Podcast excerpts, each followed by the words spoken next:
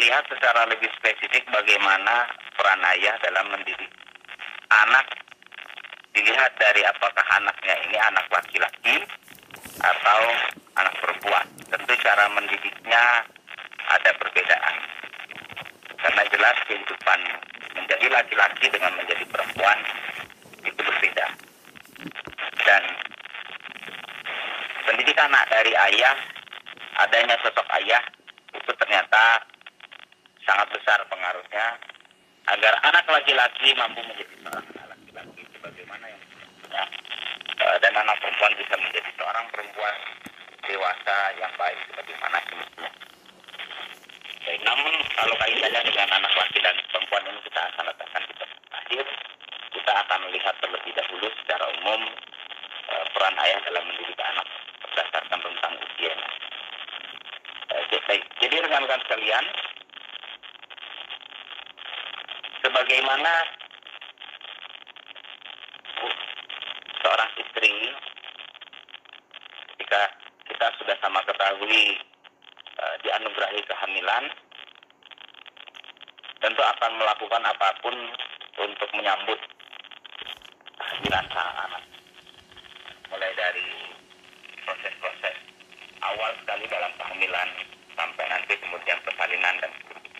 Nah, tentu saja seorang ayah juga memiliki tugas yang sama. Jadi bagaimana seorang ayah mampu menciptakan bulan-bulan kehamilan yang terjadi pada istrinya ini menjadi bulan-bulan yang sebaik mungkin, sebaik mungkin bagi keberhasilan kehamilan itu sendiri, bagi kebahagiaan, bagi kesejahteraan baik ibu dan bayi. Itu. Nah, sampai kemudian anak lahir di tahun-tahun pertama, jika dirangkum, menurut saya maka tugas awal seorang ayah atau seorang suami ya adalah memberikan kasih sayang kepada anak. Mulai dari menyayangi ibunya anak-anak, kira-kira begitu. Dari sejak kehamilan, sehingga proses kehamilan itu seorang istri merasa betul-betul didukung sepenuhnya, didampingi sepenuhnya, e, melewati semua proses. Sampai kemudian anak lahir, anak harus bisa merasakan langsung kasih sayang dari sang ayah. Adanya tetapan langsung, pemeliharaan langsung, pemasukan langsung, keterlibatan langsung dari seorang ayah. Anak saya saat ini alhamdulillah lima, anak terakhir saya yang kelima saat ini empat bulan. Dalam usianya yang keempat bulan, bisa terlihat sekali bahwa setiap kali saya berinteraksi dengan dia, menatap wajahnya, menggendong, eh, bermain dan sebagainya, maka bayi anak saya pun ini juga dia sepenuhnya merespon, oh ini ayahnya, dia tahu ini adalah ayahnya sebagaimana anak pasti akan memiliki bonding yang sangat kuat dengan ibunya, maka anak juga harus memiliki bonding yang kuat dengan ayahnya. Maka harus ada interaksi di mana melalui interaksi itulah seorang ayah menyampaikan rasa syukurnya atas kehadiran sang anak, mengekspresikan kasih sayangnya, menunjukkan bahwa sang ayah betul-betul menginginkan kebahagiaan pada anaknya, ingin dia tumbuh sehat, ingin dia tumbuh baik, ingin dia tumbuh sempurna itu tersampaikan dalam pelukan kasih sayang dan interaksi secara langsung. Ketika kemudian anak mulai bisa berkomunikasi, mulai bisa bergerak, kemudian masih berusia 2 tahun, 3 tahun anak mulai banyak bermain, jadi kesempatan menjadi semakin besar bagi seorang ayah untuk mengekspresikan kasih sayangnya dengan dia bermain dengan anaknya. Nah, interaksi ini dengan anak Kemudian dari kasih sayang memasuki usia 3 tahun, 4 tahun, 5 tahun ini sudah masuk tahap selanjutnya yaitu ayah memiliki tugas untuk memberikan stimulasi. Sebagaimana bagaimana juga itu dilakukan oleh sang ibu, sang ayah itu juga memberikan banyak stimulasi. Dan ada kecenderungan, sebagaimana memang mungkin sudah tugasnya, ayah memberikan uh, stimulasi terhadap gerak, misalnya gerak motorik, stimulasi terhadap ekspresi emosi dan itu tidak cukup hanya dari ayah, dari maaf tidak cukup hanya dari ibu, maka dari ayah itu juga penting stimulasi permainan, nanti kemudian masuk ke aspek-aspek emosi. Ada keberanian ada kekuatan. Hal-hal yang sifatnya memang maskulin dari seorang ayah. Ini mesti didapatkan oleh anaknya yang laki-laki maupun anaknya yang perempuan. Walaupun bentuk padatnya memang berbeda. Gitu ya. Jadi memberikan kasih sayang kemudian yang berikutnya adalah memberikan stimulasi. Gitu. dari sosok seorang ayah nah selanjutnya ketika anak memasuki usia 3 atau 4 tahun, 4 ke 5 tahun, maka anak semakin memiliki kemampuan uh, konsepsi begitu ya dalam mengenali pola perilaku dan sebagainya. Di sinilah peran ayah selanjutnya adalah menjadi teladan. Apalagi kalau anak sudah lima tahun, enam tahun, tujuh tahun, jelas di situ anak sudah memiliki, sudah mulai berkembang kesadarannya, begitu ya dia bisa melihat keteladanan-keteladanan hidup dari ayahnya. Di sini kemudian ayahnya akan memberikan contoh, misalnya contoh berperilaku di rumah, contoh beribadah, contoh perilaku makan, perilaku menggunakan ruangan dan lain sebagainya.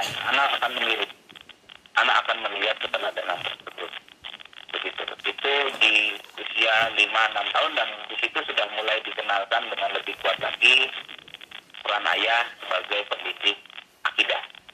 Begitu ya. Jadi setelah bagian awal lebih bersifat uh, biologis dan psikologis di tahap usia 5, 6, 7 tahun anak sudah betul-betul merasakan bahwa ayahnya bisa memberikan keteladanan dan pendidikan yang terkait akidah. Sudah dimulai. Anak sudah mulai mengenal melihat langsung ayahnya sholat dilibatkan dalam sholat begitu oleh oleh sang ayah. Itu itu tahap yang eh, kedua. Memang sesuai dengan sebagai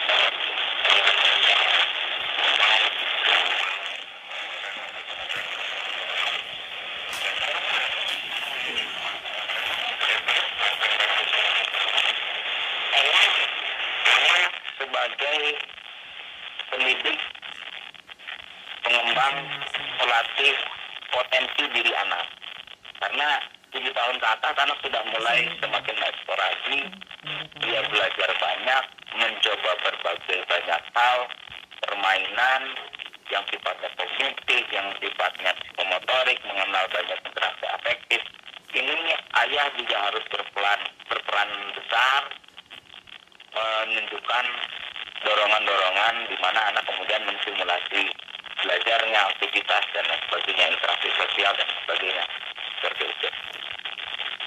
Seorang anak yang tumbuh tanpa ayah di tahun-tahun tersebut 7, 8, 9 secara umum biasanya mengalami semacam ya kesulitan untuk berinteraksi, untuk kemudian menghadapi realita begitu ya. Salah satu contoh spesifiknya adalah dalam konteks eh, bersosialisasi tersebut, bereksplorasi tersebut adalah ketika anak mulai berbenturan dengan realita dunia di mana tidak semua temannya itu baik, tidak semua hal di lingkungan itu baik, seperti itu. Ada kecenderungan atau ada resiko bahwa anak ini bisa kemudian apakah menarik diri sepenuhnya karena merasa lingkungannya e, tidak bersahabat, kurang baik, ada teman-temannya yang membuli, akhirnya dia menarik diri sepenuhnya. Nah, seorang ayah harus bisa mendidik anaknya untuk memiliki kekuatan dalam bersosialisasi. Seperti itu. Atau sebaliknya, menjadi larut sepenuhnya karena mengikuti apa yang ada di luar. Nah, seorang ayah di sini harus membantu anak untuk berani juga berkata tidak ketika di luar sana ada hal-hal yang buruk yang diajak oleh temannya ketika dia sudah uh, sekolah misalnya untuk berkata tidak seperti itu. Nah di sini dalam konteks di mana anak sudah memasuki tahun-tahun eksplorasi, 7 tahun, 8 tahun, 9 tahun, dan seterusnya, ayah membantu anak membangun identitasnya. Dia punya identitas, dia punya prinsip, dia punya individualitas, ada ego di dalam dirinya yang digunakan secara sehat. Seperti itu. Jadi dia bisa memiliki batasan yang jelas tentang dirinya, memiliki identitas yang jelas. Memiliki prinsip, bisa berkata tidak terhadap hal-hal yang buruk, bisa melawan hal-hal yang agresif kepada dirinya, begitu dia bisa melawan. Seperti itu. Itu seorang ayah harus bisa melatih itu kepada anaknya. Memang ada kalanya eh, ada orang tua yang bertanya begitu ya, kalau anak saya kelas 2, kelas 3, dia ditagi atau dia dipukul atau dia dibully oleh temannya bagaimana? Apakah kita ya sudah kita hindari saja, kita mengalah saja, pokoknya kita tidak usah seperti mereka. Apakah anak berhak melawan dan sebagainya? Seperti itu. Ini menarik untuk kemudian uh, dilihat ya apa yang harus disampaikan oleh orang tua kepada anak. Dalam perspektif seorang ayah, Seorang ayah perlu melihat apakah anaknya memiliki keberanian untuk menghadapi tekanan dari lingkungan. Gitu. Apakah dia berani untuk merespon keburukan katakanlah serangan itu dengan eh, keberanian jika perlu dia eh, menyerang balik, menekan balik dalam konteks membela diri seperti itu. Ayah perlu melihat ini apakah ini pada anaknya itu hal seperti ini punya tidak anaknya kekuatan? Ini baik anak laki-laki maupun anak perempuan walaupun tentu ekspresinya bisa jadi berbeda.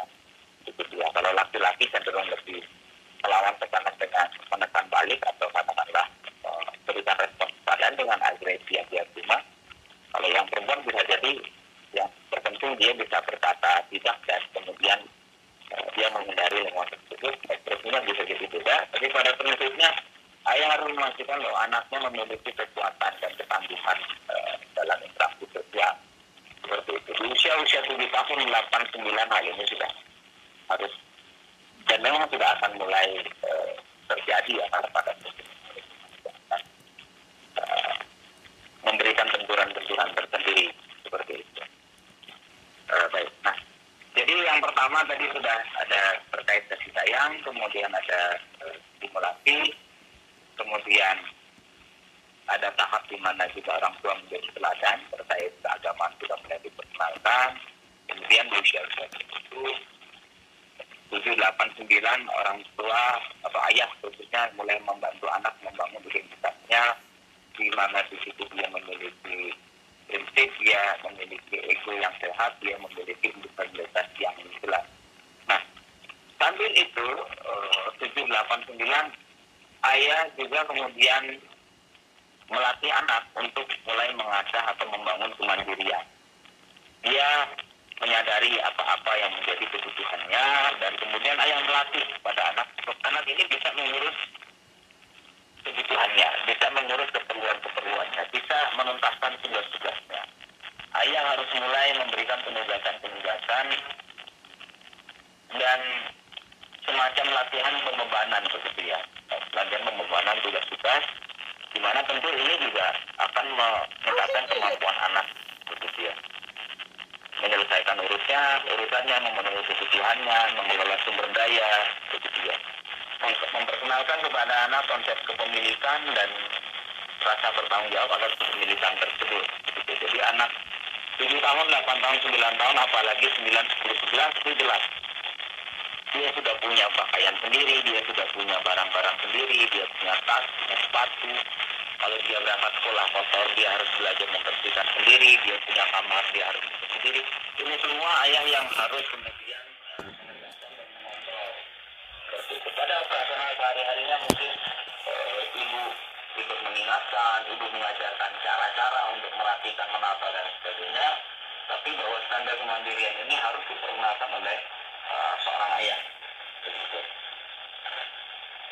Berikutnya, uh, tahap selanjutnya adalah dalam proses melatih kemandirian kepada anak, ayah juga harus berperan sebagai seorang pelatih yang tegas. Dalam proses pendewasaan bagaimanapun juga selain ada pembebanan ada juga latihan menghadapi kesulitan-kesulitan ada kalanya menghadapi ketidaknyamanan bahkan menghadapi rasa sakit. Begitu rasa sakit di sini dalam arti misalnya eh, anak memiliki keinginan untuk bisa memakai sepeda agar kelak dia bisa mengendari motor sendiri. Dan kemudian ketika dia berlatih menggunakan sepeda dia ternyata terjatuh dan terluka. Nah apakah kemudian kita membiarkan anak oh, udahlah nyerah saya sudah mau belajar naik sepeda lagi ternyata kalau naik sepeda luka? Atau seorang ayah bisa menegakkan kepada anaknya ayo dong kak coba lagi. Nanti kalau sudah bisa naik sepeda kan kakak juga yang suka kakak juga yang kemudian lebih nyaman karena suatu saat nanti kamu sudah dewasa kamu sudah berhak pakai motor kamu bisa naik motor. Seperti itu memang berlatih itu ada kalanya gagal luka sakit kecewa. Nah ayah tahu bahwa anaknya harus dilatih dan dibenturkan dengan hal seperti itu. Begitu ya ada unsur teganya untuk kemudian mengizinkan anaknya itu menjalani latihan itu sendiri dan menghadapi kegagalan sendiri. Menanggung konsekuensi dari kegagalan seperti itu. Dan tentu saja ayah akan menunjukkan atau melatihkan daya juang. Halo kan? Ya memang ah. sudah bisa dipastikan itu harus bisa di ini ya harus bisa dicontohkan dalam arti anak melihat itu juga dari ayahnya uh, seperti itu begitu itu tentang uh, kemandirian. Uh, jadi seiring usia tadi ya peran-peran yang memang berasal dari ayah uh, itu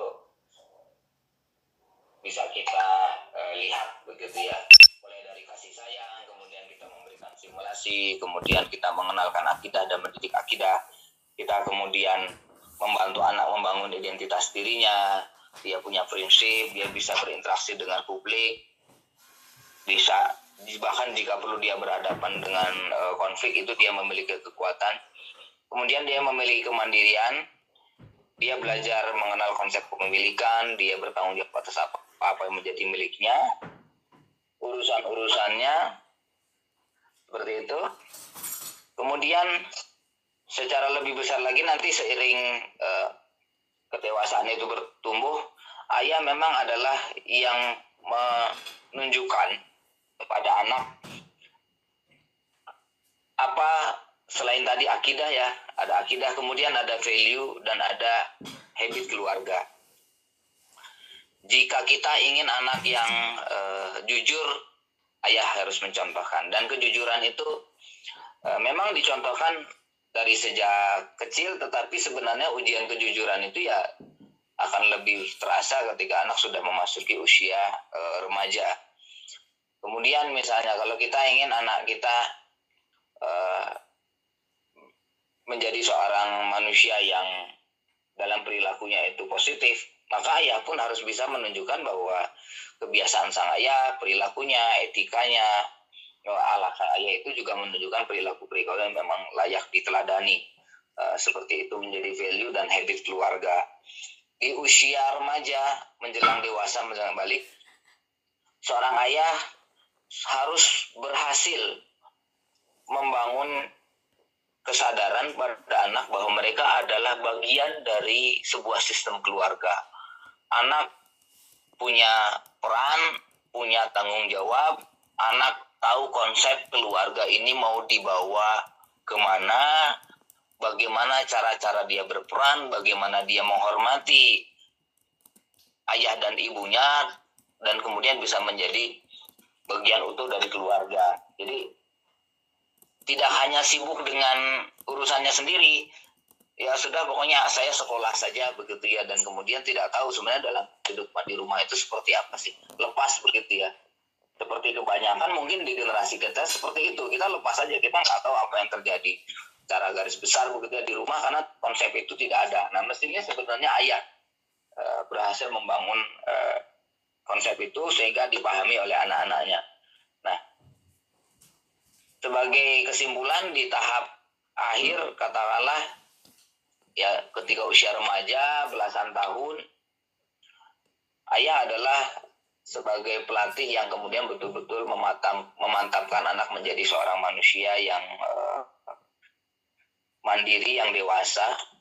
Dia memasuki fase akhir balik itu dengan memenuhi kualitas-kualitas ya minimumnya sehingga anak laki-laki di usia akhir balik di akhir usia belasan itu dia sudah menjadi seorang laki-laki yang kuat akidahnya benar ibadahnya kemudian mengenal diri mampu menempatkan diri di keluarga maupun di lingkungan memiliki kemandirian dan memiliki daya juang untuk kemudian menjadi manusia dewasa dan produktif.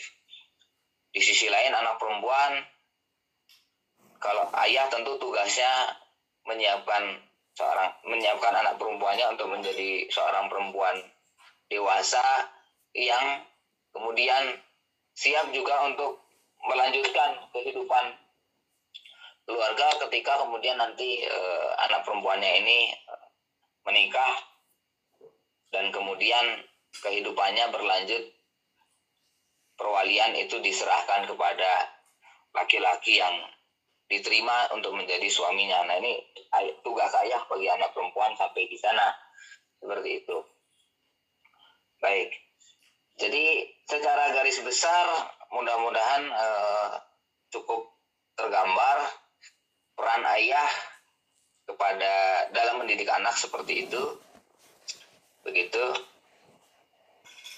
Memang kaitannya dengan kaitan spesifik dengan bagaimana khususnya ke anak laki-laki dan bagaimana khususnya ke anak perempuan e, memang kepada laki-laki ayah harus bisa mengenalkan dengan jelas konsep menjadi laki-laki itu seperti apa.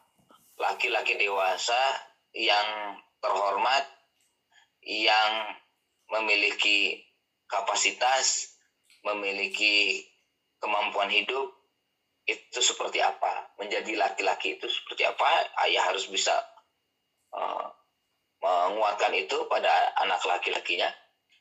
Nah adapun kepada anak perempuan ayah harus berhasil membantu anak perempuan. Anak perempuannya memiliki konsep kemuliaan wanita yang jelas. Jadi bagaimana seorang wanita yang terhormat bagaimana seorang wanita dewasa yang uh, bahagia bagaimana seorang wanita yang berkelimpahan baik secara uh, psikologis maupun secara spiritual. Itu tugas ayah. Ayah harus mengisi ruang jiwa anak wanitanya uh, secara penuh. Penuh kasih sayang penuh perhatian penuh penghargaan sehingga anak wanitanya menjadi seorang wanita yang merasa betul-betul uh, bahagia dan terhormat seperti itu. Dan dia anak perempuannya betul-betul bersyukur bahwa sampai batas usia tertentu di mana perwaliannya itu adalah ke ayahnya uh, dia merasa betul-betul sudah uh, disayangi dan dibesarkan atau ditumbuhkan secara sempurna oleh ayahnya. Hingga kelak ketika dia sudah siap untuk membina keluarga sendiri bersama uh, suaminya dia memiliki fondasi uh, jiwa yang penuh, yang utuh, yang kokoh seperti itu sebagai seorang wanita yang uh, terhormat. Dia melihat bagaimana ayahnya sebagai laki-laki menghormati dia sebagai anak perempuan, mengenalkan kepada dia jadilah wanita terhormat itu seperti apa. Itu ayahnya yang harus menjelaskan uh, kepada anak perempuannya begitu. Nah, sebagai pembuka barangkali dari saya itu dulu. Mudah-mudahan eh, cukup menggambarkan apa-apa yang memang dibutuhkan terkait eh, peran ayah dalam mendidik anak. Begitu dulu barangkali untuk pembukanya.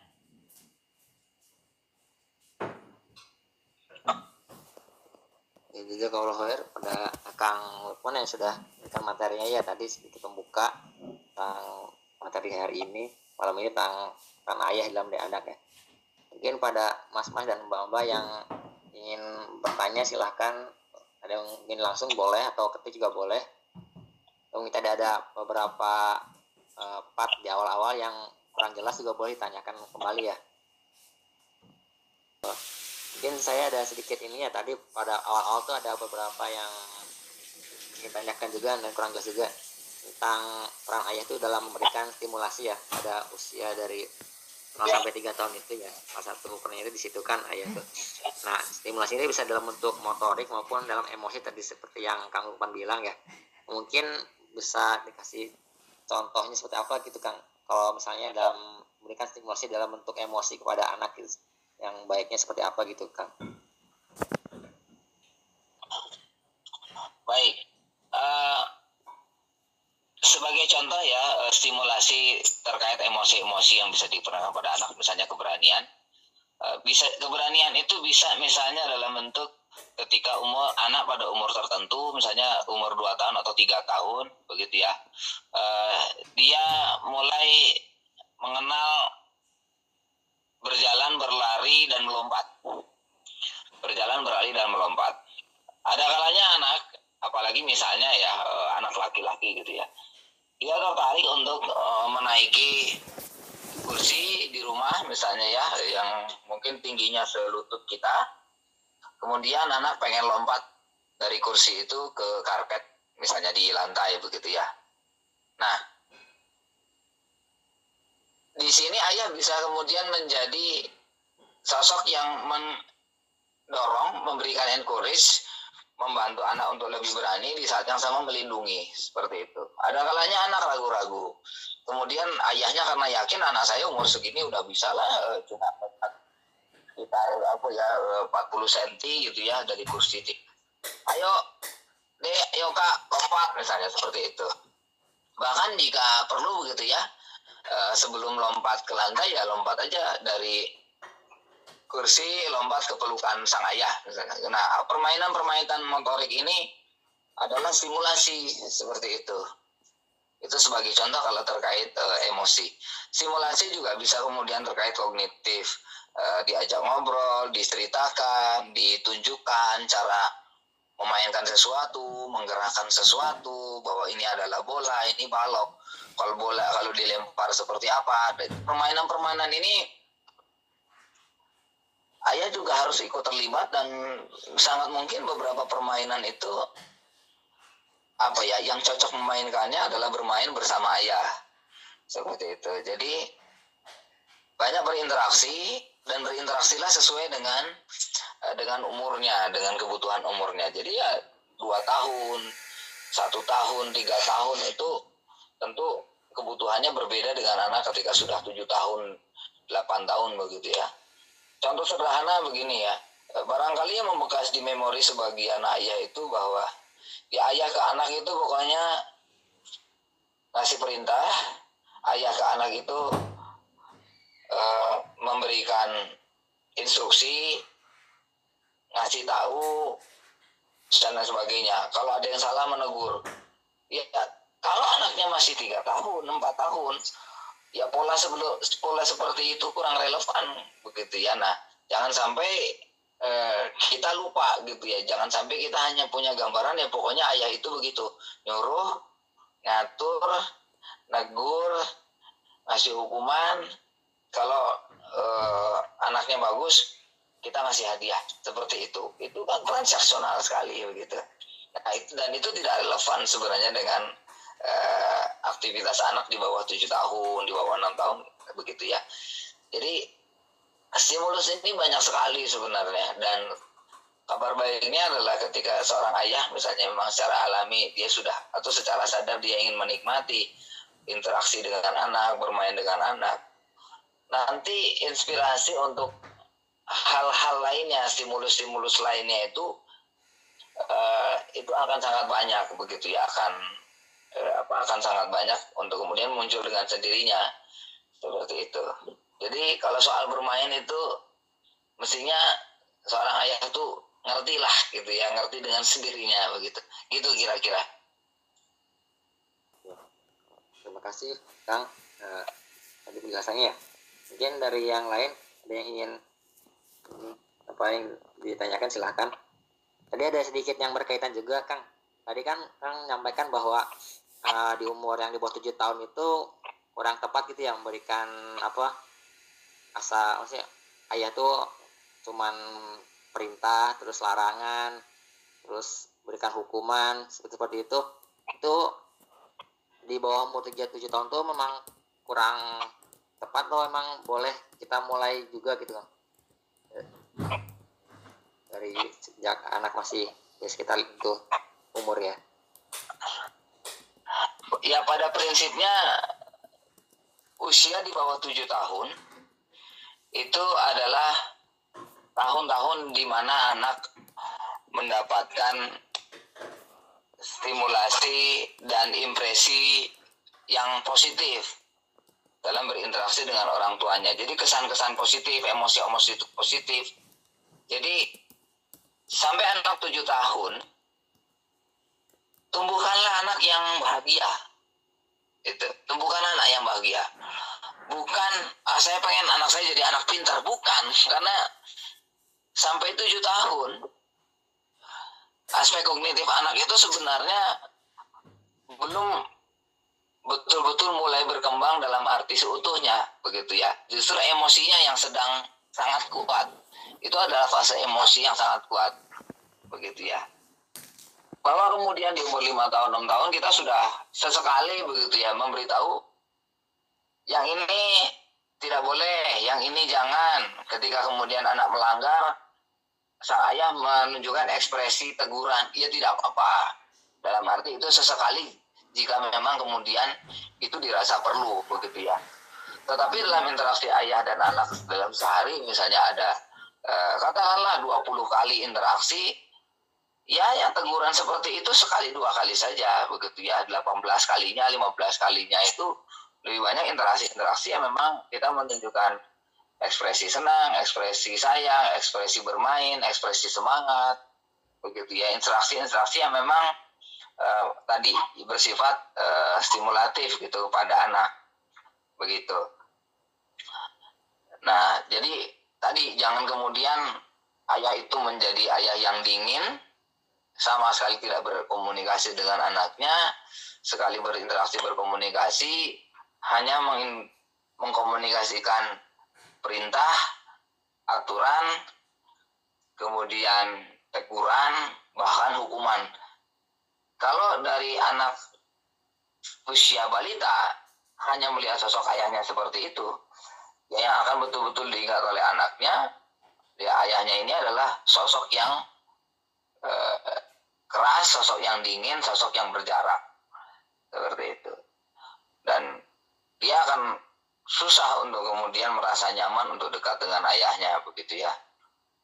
Begitu. Dan jadinya pincang. Anak itu hanya ditumbuhkan dan dibahagiakan oleh ibunya saja. Begitu ya. Dalam kadar yang sangat eh, dalam kadar yang cukup ekstrim itu bisa membuat seorang anak laki-laki nggak mau jadi laki-laki kayak ayahnya. Begitu ya. Atau seorang anak perempuan Eh, ya tidak mau dengan laki-laki. Begitu ya. Ya kan di mata dia laki-laki itu adalah ayahnya dan ayahnya seperti itu. Ya udah hidup saya saya saya hanya mau hidup dengan uh, sesama perempuan saja. Nanti pada masanya ah, dia kalaupun misalnya dia udah ada dorongan untuk kemudian dekat dengan laki-laki secara fitrah misalnya begitu dia sudah balik usia 20 begitu ya. Bisa saja kemudian bayangan sosok ayahnya yang dingin keras uh, hanya instruksi hanya teguran hanya hukuman yang dia rasakan ketika kecil itu itu kemudian menjadi bayangan yang membuat dia ragu gitu ya untuk kemudian apakah saya bisa begitu ya uh, menjalin kehidupan keluarga ketika saya punya bayangan laki-laki itu uh, seperti itu. Begitu kira-kira. Baik kang. Terima kasih banyak kang. Saya ada pertanyaan lagi nih kang. Jadi bagaimana pembagian peran dan sikap ayah dan ibu itu baik e, biar balance seimbang gitu? Ke anaknya gimana biar pembagian peran anak e, ayah dan ibu tuh seimbang gitu ke anaknya kan Iya baik. Jadi sebenarnya begini ya pembagian tersebut bisa terjadi secara alami jika seorang ayah itu punya konsep yang jelas bagaimana menjadi laki-laki. Dan sang ibu istrinya memiliki gambaran yang jelas bagaimana menjadi seorang wanita. Lelaki itu tentu punya juga sisi-sisi halus sisi-sisi emosi peka dan sebagainya namun yang harus kokoh dan kuat pada diri seorang laki-laki itu adalah ya kemaskulinan dia sebagai laki-laki. Nanti dia kemudian menjadi seorang pelindung, dia menjadi penentu rancangan dan standar di dalam keluarga, konsep keluarga. Dia juga memberikan contoh realnya seperti apa. Dia kemudian memberikan arahan-arahan, dorongan-dorongan dan dukungan-dukungan kepada istri dan anak-anaknya. Itu tugas seorang laki-laki. Adapun uh, seorang wanita perannya ekspresinya sangat erat kaitannya dengan uh, bahwa dirinya atau wanita itu adalah uh, tempat tumbuh begitu ya tempat tumbuh yang penuh kasih sayang penuh perhatian penuh kehalusan penuh uh, kehangatan begitu ya sentuhan kas seperti itu nah. Dengan seperti itu maka otomatis secara alami kita akan ada pembagian yang terjadi dengan sendirinya. Hal-hal yang lebih membutuhkan tenaga ketegasan konstruksi berpikir itu adalah ya, peran ayah. Yang betul-betul lebih ke membangun ikatan emosi kasih sayang perhatian yang betul-betul uh, uh, memanjakan yang betul-betul membasuh luka begitu ya e, menjadi pelipur itu adalah e, ibu begitu ya. Begitu. Nah ini memang mestinya sesuatu yang tidak sulit untuk bisa kemudian kita e, bayangkan ya. Dan kita jalani laki-laki itu ke anak tugasnya bagaimana ayah begitu ya dan ibu itu bagaimana memang nah masalahnya adalah dalam banyak kejadian, dalam banyak situasi, dalam banyak keluarga, ayah ini ternyata tidak hadir dalam kehidupan anak. Ketika ayah tidak hadir, akhirnya banyak tugas-tugas ayah itu jadi dilakukan oleh sang ibu. Istri itu jadi harus ngambil peran ganda. Ibu menjalankan apa yang sebenarnya tugas ayah. Dan kemudian akhirnya bercampur baur sampai di titik tertentu seorang istri bingung. Mana lagi yang sebenarnya mestinya tuh suami saya nggak usah saya. Sudah bingung jadi seakan-akan harus melakukan segalanya. Ketika kemudian dalam momen tertentu ada sang ibu dan ada sang ayah sang ibu yang sudah terlalu sering terlalu lama menjalankan peran ganda ketika suaminya datang dan ingin berperan dalam hidup anaknya, sang istri kemudian untuk akan kesulitan untuk yaudah nih saya balikin saja nih bagian yang ini adalah jatuh suami saya. Itu akan kesulitan karena selama ini sudah terlalu tercampur baur begitu ya. Dan ketika itu tidak diserahkan kepada suaminya eh, suaminya sudah datang ingin berperan biasanya kemudian ada semacam salah paham salah paham ketidakselarasan cara pandang dan sebagainya. Seperti itu. Begitu. Misalnya dalam konsep kepemilikan bagi anak. Anak sudah boleh punya apa sudah harus bisa ngurus apa. Seperti itu. Sang suami berpikir eh, anak belum perlu punya ini. Istrinya atau sang ibu berpikir ah anaknya sudah minta kok sudah perlu sudah dikasih aja begitu. Nah itu itu bisa beda pendapat itu. Itu bisa kemudian jadi bingung gitu ya. Nah kenapa ini bingung awal mulanya? Karena tadi ada tahun-tahun di mana eh, sang ayah ini menjalankan eh, cuti mengasuh yang terlalu lama hilang gitu dari pengasuhan dan ketika balik lagi ingin berperan dalam pengasuhan sudah terlanjur semuanya bercampur baur dijalankan oleh seorang istri sendirian. Ini bisa bikin bingung. Biasanya kalau dari awal semua dijalankan bersama dibicarakan dibagi dicari ilmunya mestinya tidak sulit begitu ya untuk kemudian ya, istri ngapain suami ngapain istri ngapain. Nanti beda lagi spesifik lebih spesifik lagi kalau ini anak laki-laki kita nih aku ngapain kamu ngapain?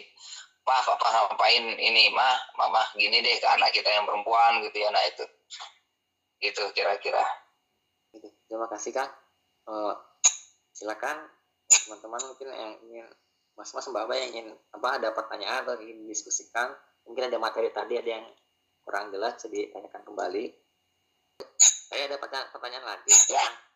Kan di sini kan ya, silakan. juga ya para pekerja para pekerja yang apa yang di sini tuh kontaknya kadang empat tahun kalau lebih gitu ya di sininya. Dan itu uh, jarang pulang bagaimana tuh berinter, uh, kita tuh tetap yang apa ayah yang yang harus bekerja jauh dan uh, tidak punya waktu banyak gitu untuk pulang untuk bisa bermain berinteraksi dengan anak.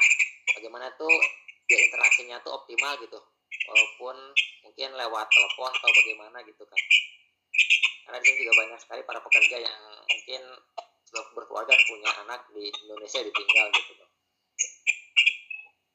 Oke okay, baik. Mudah-mudahan uh, cukup jelas ya uh, suara saya ini. Jadi begini, ada seorang laki-laki atau seorang ayah, ada keluarganya, ada pekerjaannya.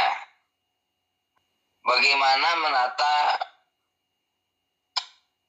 dan memanage kehidupan keluarga dan di saat yang sama seorang ayah membangun karir atau misalnya menjalankan suatu profesi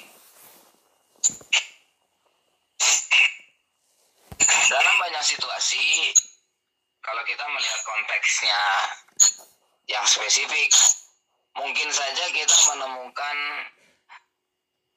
kondisi yang berbeda-beda. Kondisi yang berbeda-beda. Misalnya ada orang yang memang memiliki tugas negara dan tugas negara ini cukup strategis sehingga malah bisa ketika dia menjalankan tugasnya sama sekali tidak ada komunikasi dalam tiga bulan. Atau bahkan sampai enam bulan. Atau bahkan ada yang lebih. Nah ini bagaimana begitu ya memang ini konteksnya banyak. Namun menurut saya perlu dipahami bahwa pekerjaan itu sifatnya opsional bagi laki-laki. Dalam arti kendali itu di tangan dirinya. Karirnya mau seperti apa, kemudian kesepakatan kerjanya seperti apa, kerja di mana dan lain sebagainya. Begitu ya, itu sifatnya uh, manageable begitu ya bisa mestinya bisa dikelola namun yang prinsip yang prinsip adalah bagaimana kita bertanggung jawab atas keluarga karena ada tahun-tahun yang tidak akan kembali seperti itu jika memang panggilan karir Anda posisinya jauh di negeri seberang Anda harus bisa mengelola agar Anda bisa membawa istri dan anak Anda anda harus bisa mengelola itu. Kalau tidak bisa mengelola itu, barangkali pekerjaan itu bukan buat Anda. Dan yakinlah bahwa kalau pekerjaan itu bukan buat Anda, maka rezeki Anda oleh Allah ditempatkan di tempat lain. Seperti itu. Dan rezeki itu akan sampai kepada Anda. Tanpa kemudian Anda harus mengorbankan kebutuhan istri dan anak. Dalam banyak situasi, menurut saya, berdasarkan pengamatan saya ya masalahnya adalah kita sebagai laki-laki di zaman ini kita tumbuh dewasa menjadi seorang manusia mandiri yang memiliki karir. Itu kita tumbuh tanpa konsep dan kesadaran yang betul-betul kuat tentang keluarga. Oleh karena itu yang sering kali terjadi strategi-strategi yang kita gunakan solusi-solusi yang kita ambil berangkat dari asumsi bahwa keluarga itu bisa kok berkompromi. Karena kalau karir itu ya dia nggak bisa dikompromikan. Kita berangkat dari pola seperti itu. Dari mana kita bisa coba contoh lihat ambil contohnya ya. Presidennya ini dari mana? Coba lihat bagaimana ketika kita kuliah. Lihat bagaimana kita ketika kita sekolah. Kita sedang kuliah. Ada ujian. Ada praktikum maka ketika kita masih mahasiswa ada ujian ada praktikum sementara di saat yang sama ada kebutuhan di keluarga begitu ya. Orang tua kita butuh bantuan anaknya dan sebagainya. Yang sering terjadi adalah kita kemudian mengatakan kepada orang tua Mama ini gimana ya? Aku mau ujian. Kayaknya nggak bisa bantu dulu deh. Harus ujian gitu ya. Dan bahkan bisa jadi orang tua kita pun melepas ya dan kutip begitu ya melepas dengan penuh ikhlas. Oh iya nggak apa-apa. Kamu ujian aja belajar aja biar nilai kamu bagus. Di situ kemudian terbentuk pola bahwa ya keluarga itu bisa berkompromi. Kalau demi karir kalau demi kuliah keluarga bisa berkompromi dan keluarga pasti bisa memahami. Seperti itu. Dan memang kita melihat respon bahwa dari orang tua kita oh, mereka dengan sepenuh hati kok dengan penuh senang mereka tuh senang bisa berkorban demi anaknya tuh bisa fokus kuliah gitu. Nggak apa-apa mereka punya masalah anaknya nggak bantuin. Jadi pada prinsipnya kalau teknis beda situasi tentu beda teknisnya. Beda kondisi keluarga pasti beda kebutuhannya. Ada yang katakanlah bekerja di luar kota uh, untuk sementara waktu tidak berkumpul dua minggu. Ada yang sementara waktu tidak berkumpul itu uh, dua bulan. Ada yang sementara waktu tidak berkumpul itu misalnya enam bulan bahkan ada yang setahun lebih dan sebagainya. Begitu ya. Nah yang menurut saya perlu diperjelas dan diperkuat terlebih dahulu. Anda perjelas betul sebenarnya komitmen seperti apa yang ini yang ingin Anda bangun kepada keluarga sebagaimana ya kita keluarga ini kan kita yang memulai ya sebagai laki-laki begitu. Maka kita yang harus menegaskan uh, komitmen seperti apa yang ingin kita berikan kepada istri dan anak. Begitu. Nah, ketika kemudian antara kebutuhan keluarga dengan pekerjaan kondisinya seperti harus memberikan banyak porsi kepada pekerjaan dahulu dan kemudian keluarga diminta untuk berkorban. Keluarga kemudian ya baru bisa mendapatkan sedikit waktu Anda begitu ya. Di sini kita harus menilai kita mengatur itu semua dengan mindset atau asumsi dasar yang seperti apa. Jika Anda yakin bahwa keputusan Anda tepat dalam menata waktu dan sebagainya maka secara teknis saya yakin Anda pun bisa mencari cara-cara yang paling pas sesuai dengan kebutuhan istri dan anak begitu. Namun yang sejujurnya saya khawatirkan itu sebagaimana yang saya tadi ceritakan. Nah, kita adalah sebuah generasi yang berangkat dari konsep atau mindset berpikir bahwa untuk pendidikan dan karir keluarga itu siap berkorban dengan sukarela sebagaimana ketika kita masih mahasiswa kita ada praktikum dan ujian justru orang tua kita yang berkata kepada kita udah kamu fokus ujian saja kamu fokus nyiapin skripsi saja tidak usah mikirin urusan ayah sama ibu eh, keluarga mah aman-aman saja. Walaupun sebenarnya tidak. Kita kemudian belajar bahwa oh tidak apa-apa saya tidak berperan di tengah keluarga saya ketika saya ini ada sebuah pendidikan dan ada karir yang harus dikejar seperti itu. Situasinya menjadi tidak apple to apple sebenarnya dalam situasi dengan situasi ketika kita kuliah di tengah kehidupan bersama orang tua, ketika posisinya kita sudah nikah dan kita punya anak. Begitu ya, istri kita sedang menjalani tahun-tahun pertama menjadi seorang istri, menjadi seorang ibu, anak kita juga menjalani tahun-tahun pertama dia lahir. Masa balitanya masa anak-anaknya. Seperti itu. Karena itu menurut saya berikanlah yang terbaik. Yang terbaik itu seperti apa Anda yang harus punya jawabannya. Karena karir Anda situasi pekerjaan Anda itu kan pilihan Anda. Begitu Anda yang harus punya e, jawabannya seperti itu. Dalam kondisi Anda sadar betul kebutuhan istri apa kebutuhan anak apa dan Anda memberi itu dengan usaha terbaik Anda. Begitu ya. Begitu. Jadi kalau kalau yang dicari adalah e, panduan-panduan teknis beda konteks keluarga teknisnya bisa sangat berbeda. Seperti itu. Jadi saya rasa kalau untuk konteks yang sangat spesifik saya yakin anda masing-masing bisa cari sendiri jawabannya. Tapi tadi prinsipnya itu begitu ya. Nah, sebisa mungkin kalau misalnya memang tugas anda itu uh, jauh di negeri lain begitu ya dibawalah serta istri dan anak-anak anda seperti itu. Apa pun pekerjaan anda uh, bawa istri dan anak anda. Seperti itu. Begitu. Uh, kalau misalnya uh, tidak mungkin begitu ya ya yang memutuskan itu tidak mungkin itu kan anda sendiri begitu ya. Dan yang memutuskan bahwa untuk situasi yang tidak mungkin saya membawa istri dan anak saya saya memilih untuk tetap berangkat. Itu kan pilihan Anda. Seperti itu. Bagaimana ketika Anda memilih seperti itu, Anda punya solusi yang jelas.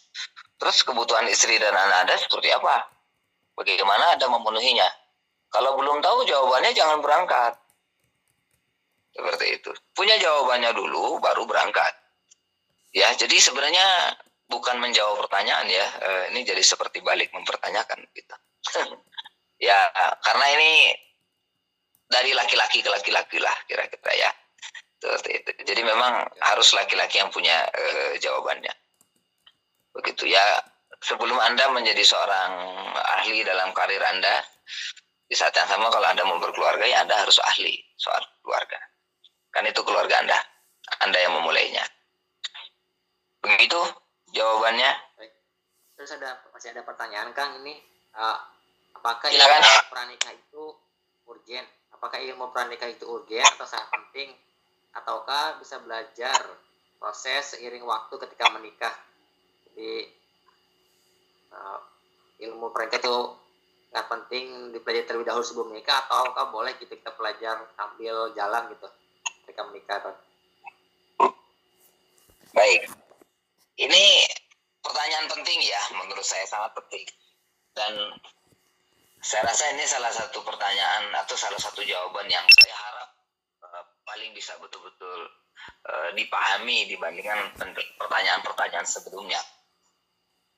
Jadi begini, yang benar itu adalah sepanjang hidup kita, kita itu adalah anggota keluarga. Kita harus sadar itu bahwa sepanjang hidup kita, kita itu adalah anggota keluarga. Maka belajarlah menjadi anggota keluarga yang baik dan berperanlah sebagaimana posisi kita di keluarga sesuai dengan perjalanan hidup dan usia kita. Kita lahir di tengah keluarga sebagai anak. Pahamilah tugas anak seperti apa. Kita punya orang tua, kita punya ayah, kita punya ibu. Pahami bagaimana ayah kita, bagaimana beliau menjalankan perannya. Kenali ibu kita, bagaimana dirinya dan bagaimana beliau menjalankan peranannya ketika anak belajar menjadi anak itu sebenarnya ilmu pranikah. Agar ketika saatnya dia menjadi orang tua dia tahu menjadi orang tua seperti apa. Kenapa? Karena dia sudah pernah melihat bagaimana ayah ibunya. Jadi kapan kita mempelajari itu semua? Ya sejak kecil. Seperti itu. Nah masalahnya kan bayangkan. Bayangkan seorang pemuda yang masa TK-nya, masa SD-nya, masa SMP, masa SMA, masa kuliahnya dihabiskan untuk belajar ilmu-ilmu persekolahan, ilmu-ilmu perkuliahan untuk menyiapkan karir. Tiba-tiba selepas sarjana kepikiran pengen nikah. Dan padahal sejak kecil dia tidak memperhatikan keluarga, dia tidak tahu bagaimana ayahnya menjalankan peran sebagai ayah, dia tidak memperhatikan bagaimana ibunya menjalankan peran sebagai ibu. Ujuk-ujuk mau nikah. bingung kan dan untuk menjawab kebingungan itu muncul program-program pranikah itu sebenarnya adalah jawaban prematur jawaban yang sangat eh, mentah seperti itu jadi yang benar itu adalah ketika kita belum ketika kita masih dalam posisi sebagai anak belum berkeluarga belajarlah menjadi anak pelajari bagaimana orang tua kita kita bisa belajar juga jadi keluarga saudara-saudara kita. Kita punya sepupu, bagaimana keluarga paman bibi kita. Kita punya teman, bagaimana keluarganya. Itu. Jadi dari sejak kecil kita itu punya kesadaran bahwa manusia itu hidupnya di dalam keluarga. Dengan proses seperti itu, seiring kita juga belajar ilmu agama, pada masa pada saatnya kita akan siap untuk memulai sebuah ibadah besar yang bernama pernikahan. Ini ibadah besar karena secara syariat jelas, rukunnya jelas, akadnya jelas, syarat-syarat sahnya jelas, bahkan ada hal-hal yang tidak sahnya pun jelas. Ada kalanya kemudian justru pernikahan apa, ibadah ini tuh justru tidak sah atau bahkan malah terlarang untuk dilakukan. Jelas, nggak mungkin tanpa persiapan. Maka harus dengan persiapan. Ketika kemudian sudah mulai, jelas sambil berjalan ilmu juga terus harus ditambah. Begitu ya. Tapi tadi ilmu seperti apa? Bukan sekedar ilmu-ilmu yang bisa katakanlah eh, yang sudah lazim dikenal dalam program pranikah. Bukan bukan hanya itu. Justru mindset dasarnya itu yang harus diperbaiki itu bahwa manusia hidup itu di dalam keluarga. Contoh sederhana ada orang sudah menikah sudah punya anak. Mereka belajar mengelola keluarga begitu ya dan merasa sudah ikut sering ikut ilmu parenting dan sebagainya. Training parenting seminar baca buku. Tapi kemudian mereka lupa bagaimana sih mengurus orang tua? Saya tuh punya mertua nggak kenal juga sama mertua udah tujuh tahun nikah gitu ya. Tapi karena e, misalnya kerja di luar negeri nggak terlalu banyak komunikasi nggak kenal sama mertua begitu. Ya kan bolong juga itu berarti kan. Jadi ya keluarga itu ya keluarga kita gambaran besarnya harus tahu. Artinya harus kita sadar sejauh apa tanggung jawab kita itu masih uh, terhubung dengan keluarga orang tua kita gitu ya. Karena kan kita adalah anak juga gitu jadi sebenarnya yang ingin saya tekankan itu adalah belajar berkeluarga dimulai dari belajar menjadi anak yang baik memahami kedua orang tuanya, bagaimana orang tuanya karakternya, bagaimana mereka menjalankan perannya, bagaimana kita sebagai anak memuliakan mereka, menjalankan kewajiban kita sebagai mereka kepada mereka. Kalau saya anak laki-laki, saya punya kewajiban kepada ibu saya, begitu ya. Dan kewajiban saya sebagai anak laki-laki jelas memang bobotnya beda dengan kakak saya yang perempuan misalnya. Kakak saya yang perempuan tidak sebesar saya tuntutan kewajiban untuk betul-betul memperhatikan ibu saya begitu itu adalah kewajiban saya karena selepas ayah saya tidak ada ya amanah perwalian orang tua ibu saya ini kembali kepada kami anak laki-laki di tengah keluarga kami seperti itu nah begitu jadi jelas orang masuk ke dalam kehidupan keluarga itu sebenarnya yang baik yang benarnya itu adalah dia punya sejarah bertumpu sebagai anak. Dia pernah menjadi bagian dari keluarga dan dia paham keluarga ayahnya itu seperti apa. Pada masanya nanti dia akan punya gambaran saya membangun keluarga saya sendiri. Itu kalau laki-laki. Kalau perempuannya keluarga ayah ibu saya seperti apa, menjadi istri itu seperti apa, melihat sosok ibu. Nanti pada waktunya, oke okay, saya juga ingin menjadi istri yang baik, saya ingin menjadi seorang ibu yang bahagia, saya ingin anak-anak saya sehat bahagia. Itu naturally ada. Sesuatu yang serius ya sangat serius penting. Memang kita mesti punya konsepsi yang jelas tentang keluarga begitu ya. Kalau sudah dimulai tentu sambil jalan kita memang ya ya justru harus makin makin banyak belajar ya sambil menjalani tapi memang ya milikilah persiapan yang baik milikilah persiapan yang baik dan persiapan itu sebenarnya dimulai dengan menjadi anak yang baik. Begitu kira-kira jawaban saya. Terima kasih. kasih Kang. Terus ini ini pertanyaan terakhir ya ada satu lagi. Jadi urgenkah membuat mapping untuk kehidupan? Itu pertanyaan pertama. Yang kedua, eh, oh satu dulu mungkin ada tiga pertanyaan. Yang harus itu adalah kita menjalankan kewajiban mendidik anak sampai anak akil balik. Begitu ya. Jadi terkait hak-hak dia terpenuhi sepenuhnya. Begitu ya. Kita mencontoh jadi begini, kita akan memberitahu kepada anak, nah kita itu adalah makhluk Allah, kita hidup di dunia ini untuk beribadah kepada Allah. Allah adalah Tuhanmu. Beginilah hidup menjadi seorang muslim. Kita harus perkenalkan itu. Lengkap sempurna. Jadi anak tahu yang baik, yang mana, yang benar, yang bagaimana itu jelas. Begitu. Kemudian sesuai dengan uh, apa-apa yang menjadi hak dia di fase uh, akil balik begitu ya. Itu. Perkara nanti detail-detailnya ke sana itu sudah menjadi hak anak biar dia yang merencanakan karirnya dia seperti apa itu urusan dia. Dia mau kuliah di mana itu urusan dia begitu ya. Dia merasa yakin cocoknya dengan istri yang seperti apa kalau kita punya anak laki-laki ya biarlah dia nanti nyari sendiri uh, seperti itu. Jadi mapping di sini apa ya rasanya kurang pas ya kalau kita bilang kita yang memapping hidup anak kita karena hidup anak kita yaitu hidup dia kita tuh hanya tugas kita yang paling penting itu ya kita tuh menjadi penerus ilmu kehidupan sebagaimana ya dari Allah melalui Rasulullah itu sudah ini loh hidup tuh seperti ini menjadi muslim jadi makhluk Allah tuh begini. Ya itu ya tugas kita mengenalkan. Jadi ketika anak datang ke dunia ini kan dia bertanya-tanya ini saya di mana? Saya itu siapa? Nah itu tugas kita orang tua. Masih tahu kamu itu adalah makhluk Allah kamu itu seorang muslim akidah kita begini ibadah kita begini kelengkapan yang sifatnya biologis dan psikologis tentu itu kita kita berikan sebagaimana yang saya jelaskan tadi kita memberikan kasih sayang kita menciptakan masa kecil dan masa remaja yang bahagia positif dan sebagainya tapi kalau bicara mapping anak kita umur 10 tahun, 15 tahun juga sebenarnya ya sudah punya gambar, sudah mulai mengkonstruksi gambaran untuk hidupnya ya. Kalau kita sudah ngasih kompasnya, kita sudah ngasih tahu itu loh utara sebelah sana. Perjalanan ke sana, mappingnya gimana, itu anak bisa membangunnya sendiri. Baik, Kang. Mas, mungkin tadi yang kedua udah, udah jawab ya. Yang terakhir kan, Kang, sampai usia berapakah kita merencanakan kehidupan anak, namun tidak menghambat anak untuk menentukan pilihannya sendiri? Saya terkait yang sebelumnya ya. Jadi begini, uh, begini,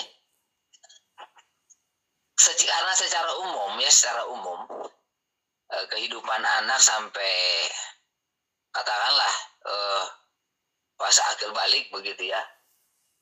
Sampai anak itu ya akil balik umur 15 16 ya paling lambat 17 18 lah sampai SMA-nya selesai misalnya begitu ya. Eh, begitu. Merencanakan ini yang perlu kita lakukan itu sebenarnya bukan eh, menentukan apa-apa yang dia harus dapatkan dan apa-apa yang menurut kita dia tidak perlu dapatkan. Begitu ya. Kita mencari tahu saja untuk fitrah anak ini bertumbuh sempurna, yang menjadi hak-hak dia itu apa, begitu ya apa yang harus sepenuhnya kita penuhi 100% kita penuhi apa yang kita harus memberikan 50% yang anaknya kemudian harus mengikhtiarkan sendiri 50% itu kemudian uh, anak mengikhtiarkan begitu. Jadi begini uh, apa ya menurut saya kata plan itu tidak terlalu pas ya. Karena apa? Karena seakan-akan ya hidup itu segimananya rencana kita lah. Nggak begitu gitu kita ini hadir sebagai makhluk. Allah sudah punya rencana. Tugas kita sebagai makhluk adalah mengenali rencana Allah tersebut bagi hidup kita. Ketika kita punya anak maka kita pun tahu bahwa Allah pun punya rencana buat hidup buat anak kita.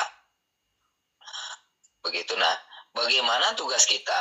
Sampai usia anak itu akil balik justru kita tuh bukan buat rencana kita merealisasikan kita merealisasikan rencana-rencana tersebut. Misalnya di dalam agama ini dijelaskan anak umur tujuh tahun sudah betul-betul harus dikenalkan sholat. Dan kemudian 10 tahun anak sudah harus bisa mandiri sholat. Yang mana ketika dia tidak sholat kita sudah boleh menegur dan menghukum. Begitu kan? Nah itu sudah itu rencana. Rencananya sudah ada. Laksanakan. Ada fase di mana anak itu harus tadi bisanya memiliki masa kecil yang bahagia. Kita belum perlu ngimpi saya pengen punya anak pintar anaknya baru enam tahun. Bicara anak pintar tuh nanti di atas tujuh tahun. Begitu ya.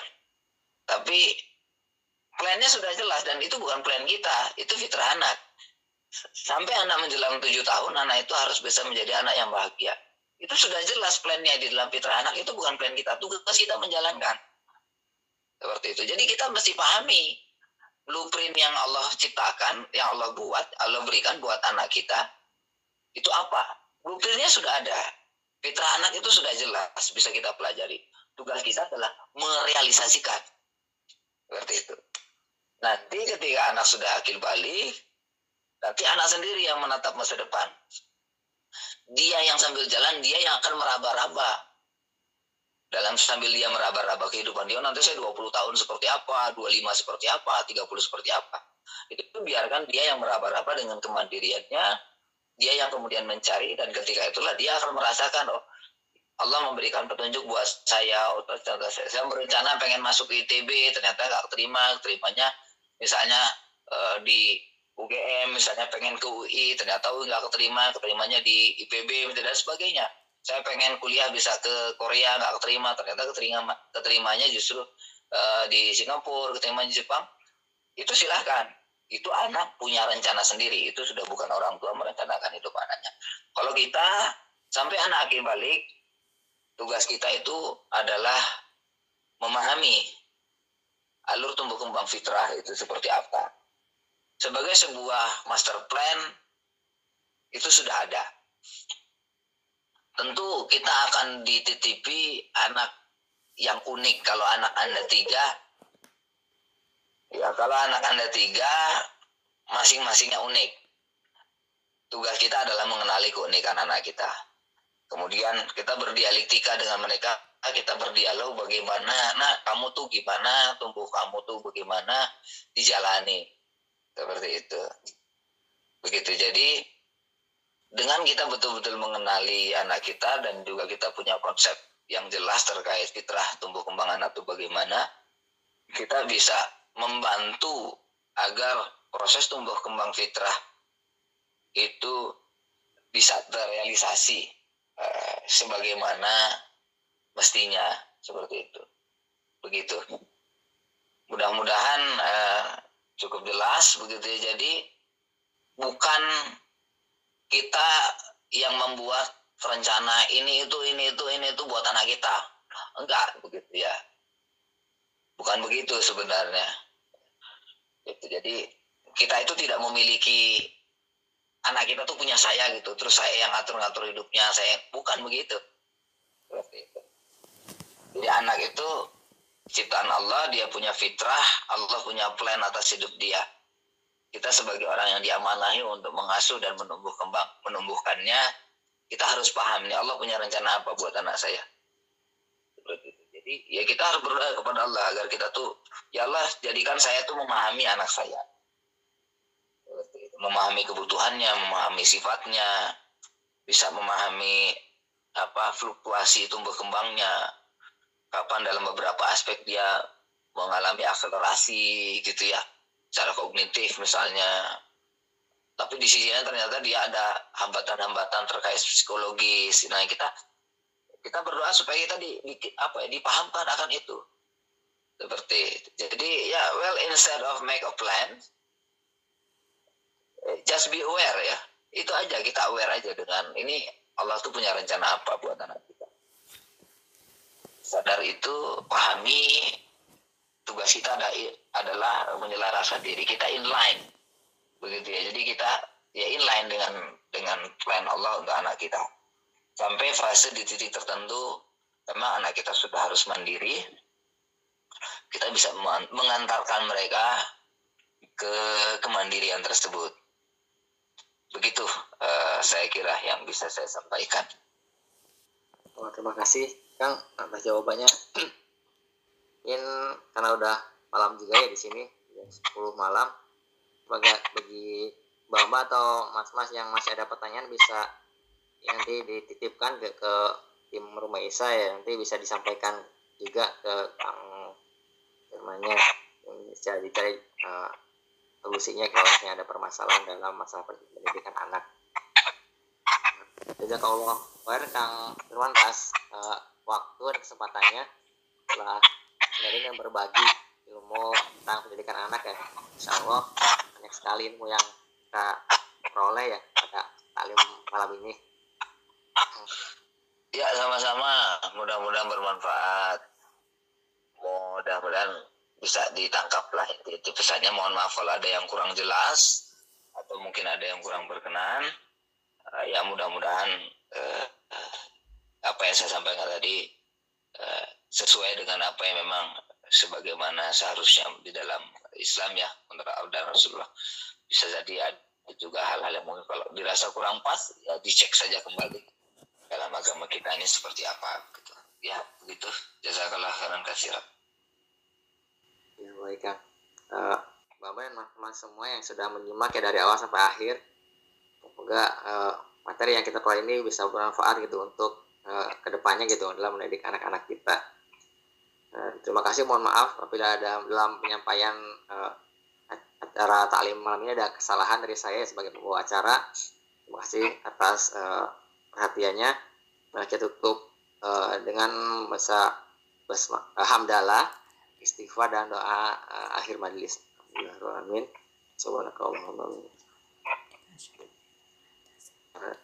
Jazakumullah khair pada semuanya. Uh, saya tutup. Wassalamualaikum warahmatullahi wabarakatuh. Waalaikumsalam warahmatullahi wabarakatuh.